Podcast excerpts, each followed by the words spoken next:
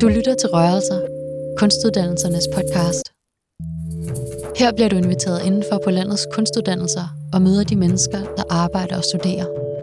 Hvad rører sig i deres kunstneriske praksiser, forskning og dagligdag?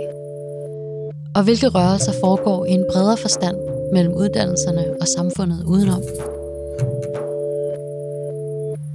I det her afsnit undersøger vi to kunstneres arbejde med digital teknologi, og de deler deres tanker om at skabe kunst med elektronik og de uhåndgribelige rækker af nuller og ettaller, som udgør mere og mere af vores skærmafhængige hverdag. Vi besøger Honey Beckerli på Kunstakademiets Billedkunstskoler i København, som undersøger de materialer, der indgår i vores digitale teknologier, og de aftryk, det sætter på vores klode. Vi overforbruger digital teknologi i så høj grad nu, at vi er ved at løbe tør for grundstoffer. Og vi kommer på besøg hos Mia Gabarou, som studerer ved Dansk Institut for Elektronisk Musik under det Jyske Musikkonservatorium, hvor hun dagligt er konfronteret med brugen af digitale teknologier, deres muligheder og begrænsninger. Det skaber store identitetskriser for os elektroniske komponister.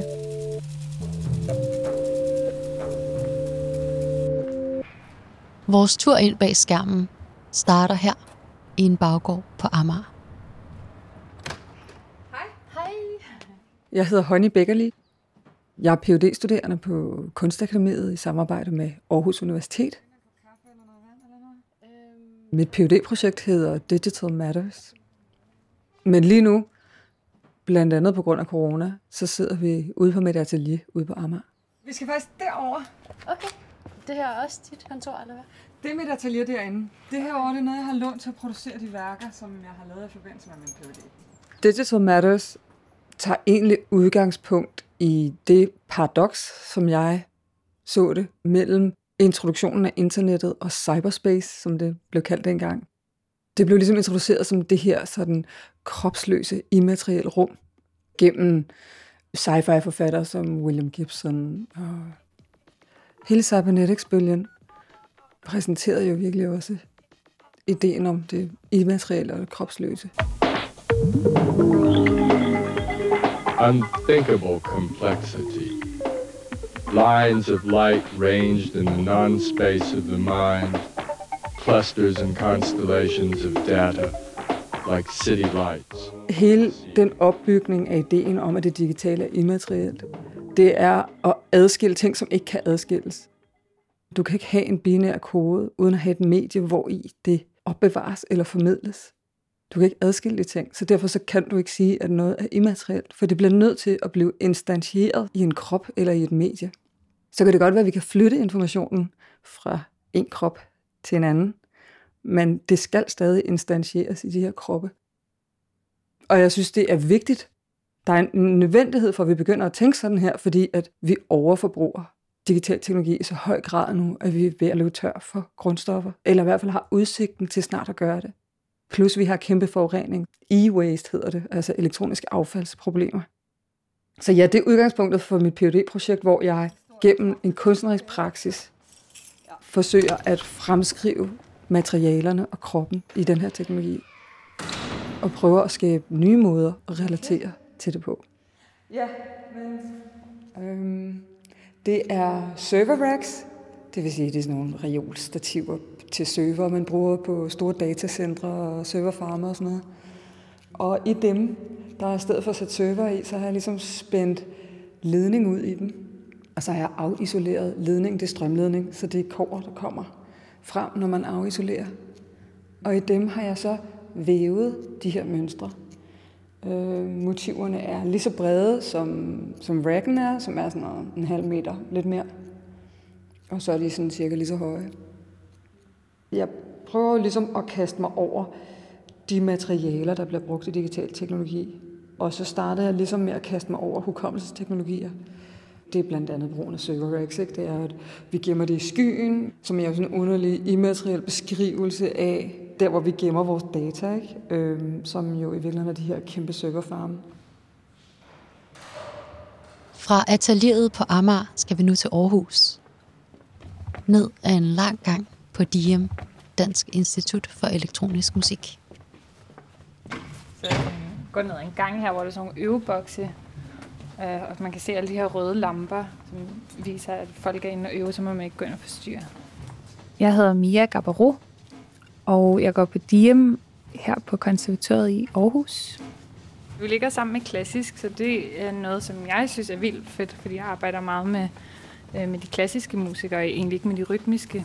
Så øh, sådan, der er virkelig fedt sådan, møde mellem den elektroniske øh, komposition og klassiske musikere. Og nu går vi ind i vores big ass studio.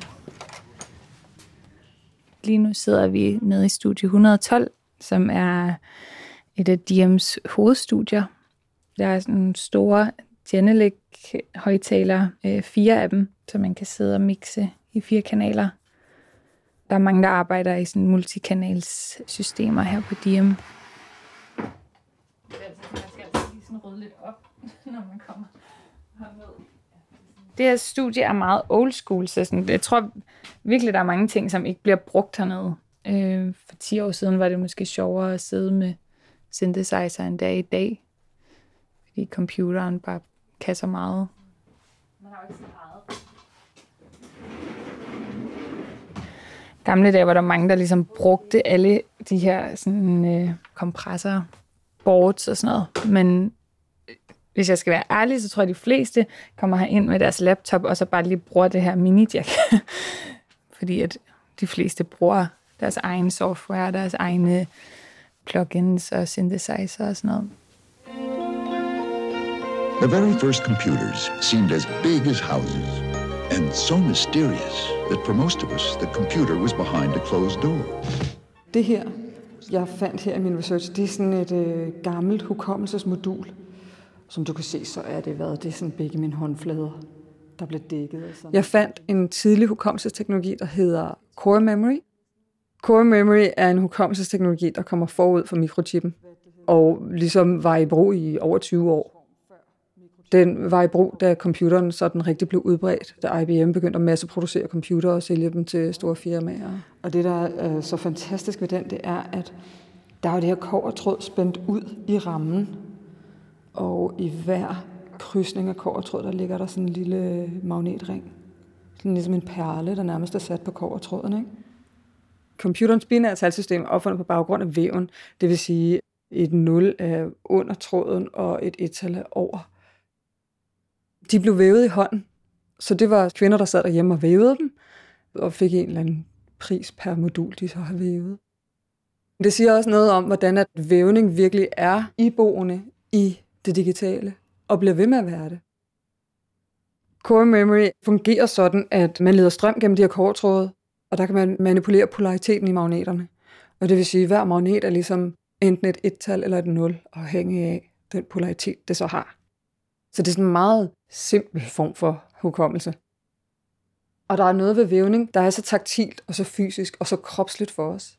Så ligesom at fremskrive det på de her digitale materialer, som vi ellers opfatter som immaterielle, synes jeg kan skubbe lidt til vores opfattelse af computeren. IBM made its personal computer to help a person be more productive, to help a person be more creative. And those are good reasons for a person to feel good. The IBM personal computer, now at selected stores across the country.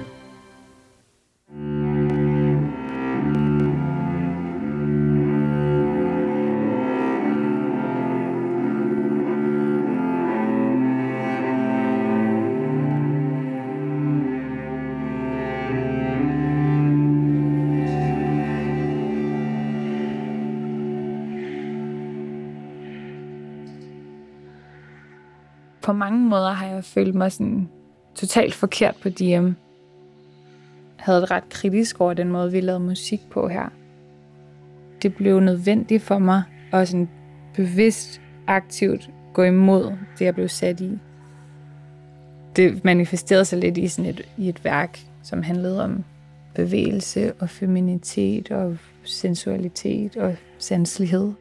Flydende strukturer tage de værdier der og prøve at arbejde med dem og lave musik med dem.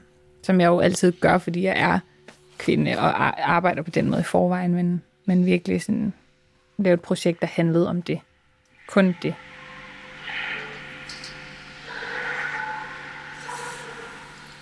Altså, når man åbner en session i Ableton eller Logic, så har de sat et grid op for dig på forhånd, der står et tempo. Altså, de, de siger lidt, hvad det er for en slags musik, og dermed også sådan en politisk intention, man skal øh, videreføre. Så for eksempel meget sådan basic ting, men sådan ved at slette det grid og, og, og ikke forholde sig til tempoet og sådan noget, så, altså, så tager man måske lidt mere magt over softwaren.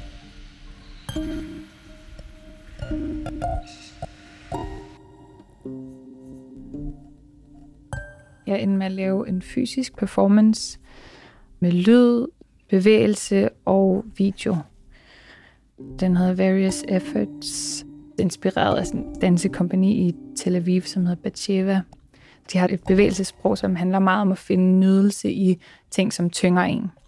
Og det var sådan meget et tema for mig for mit første år her, fordi jeg følte mig meget tynget af det med at komme ind på en institution, hvor man kun har mandlige undervisere og mandlige strukturer og altså sådan mandlige undervisningsformat, som er meget sådan monologagtig og meget sådan teknisk.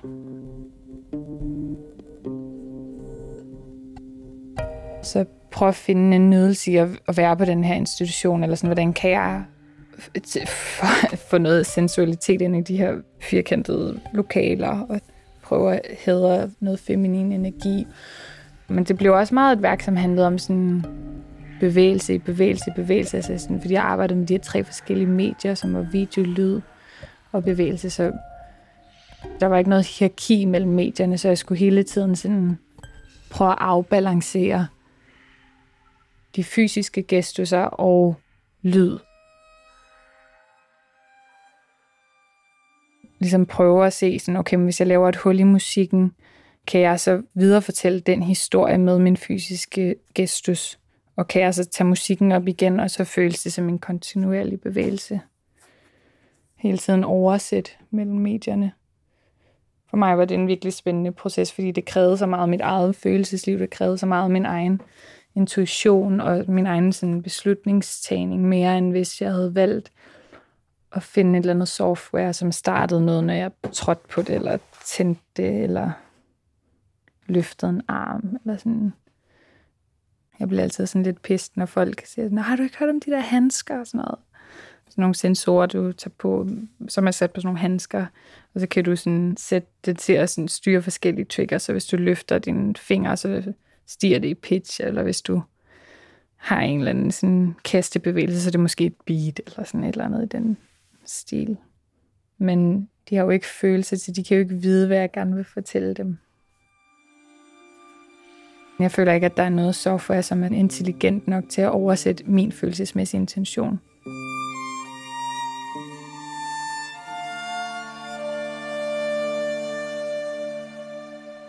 Det, jeg synes er fordelen ved at arbejde i computer, det er, at man øh, kan gemme ting, og man kan sådan bruge det som en optageprogram, og du behøver ikke at lære alle mulige skills for at kunne eksekvere din idé fordi du ligesom kan lave noget helt vildt musik, som er sådan fysisk uspilbart, fordi du kan klippe og strække og gøre alt. Du kan jo fuldstændig kontrollere alt i computeren. Men det er jo bare et redskab. Det er jo så langt, vi er nået nu. Eller sådan, jeg tror, jeg synes, det er ret spændende, sådan nogle gange forestiller mig, at jeg spoler lidt frem i tiden, og så kan man snakke om sådan, kan du huske dengang, vi lavede musik i computeren? Eller sådan, sådan helt det er jo stadig meget stationært. Men jeg glæder mig lidt til at se, hvis vi når at se det, sådan, hvordan man kan stadig arbejde med software, som ikke har en skærm, for eksempel.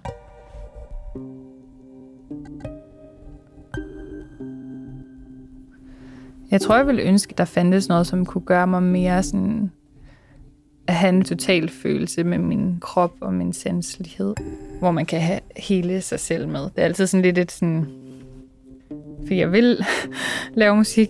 Jeg, kan, jeg bliver nødt til at gøre det, men det er altid lidt et kompromis.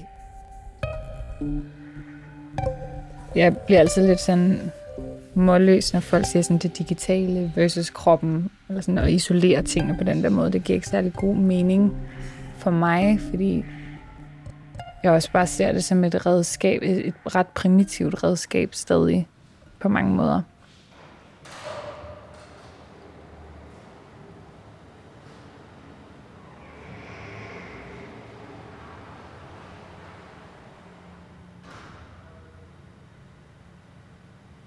Jeg håber ved at skabe kunst med de her materialer, at jeg kan være med til at udvikle en ny måde at relatere til de her materialer på, som måske peger på netop dit skrøbelighed, udsathed, altså på, at vi hænger sammen med kloden, og at de her materialer også er i det her økologiske system, og at vi bliver nødt til at tænke mere holistisk. Mit næste projekt skal handle om silicium. Der er nogen, der siger, at vi lever i siliciumalderen, fordi at det er det materiale, der definerer vores teknologi i dag, ligesom der har været bronzealderen, etc. Mikrochips har det der flotte mønster og kår, men under det, der er det en lille skive silicium. Og det er fuldstændig afgørende for, hvordan vi har kunnet udvikle mikrochips. Det kræver simpelthen det her grundstof. Silicon, Silicon Valley, silicium. Og jeg har fundet en, en fabrik i Danmark, der simpelthen øh, producerer silicium. Og det er ikke sådan lidt modstridende for hele vores forestilling om, øh, hvor digital teknologi bliver udvundet og fremstillet henne. Og jeg har så lavet en aftale med dem, om at jeg har kunne øh, få deres spilprodukter til at lave værker med. Og det skal jeg så til i gang med. Det du ser her, det er det, der hedder en siliciumstav eller en silicon ingot. Det er en fejlproduktion, som jeg har fået, fordi normalt så er den en meter og 20, og så er den jo sådan cylinderformet diameter på alt mellem 15 og 30 cm. Man kan ikke finde silicium øh, i sin rene form i naturen. Det skal ligesom udvindes i nogle, nogle hæftige processer. Øh, det ligner sølv eller en blanding mellem metal og glas. Det har sådan en semitransparent-agtig glans. Øhm, og så er det mørkere end sølv. Det er sådan en, en mørkere grå farve. Og her så vil jeg lige prøve at vise dig. Øhm, her kan du se en siliciumskive, som er det, man laver. Den skærer man jo ud i små firkanter og laver chips fra. Det er sådan nogle helt tynde, spejlpolerede siliciumskiver. Og det vil sige, at de her lange stave, dem skærer man simpelthen op i helt tynde skiver. Og som du nok tit har set i sådan en savklinge, så er en savklinge typisk sådan en halv centimeter tyk. Og sådan en savklinge, den molestrerer jo materialet, så det bare bliver til støv. Og det vil sige, at halvdelen af sådan en stav, det bliver bare til støv.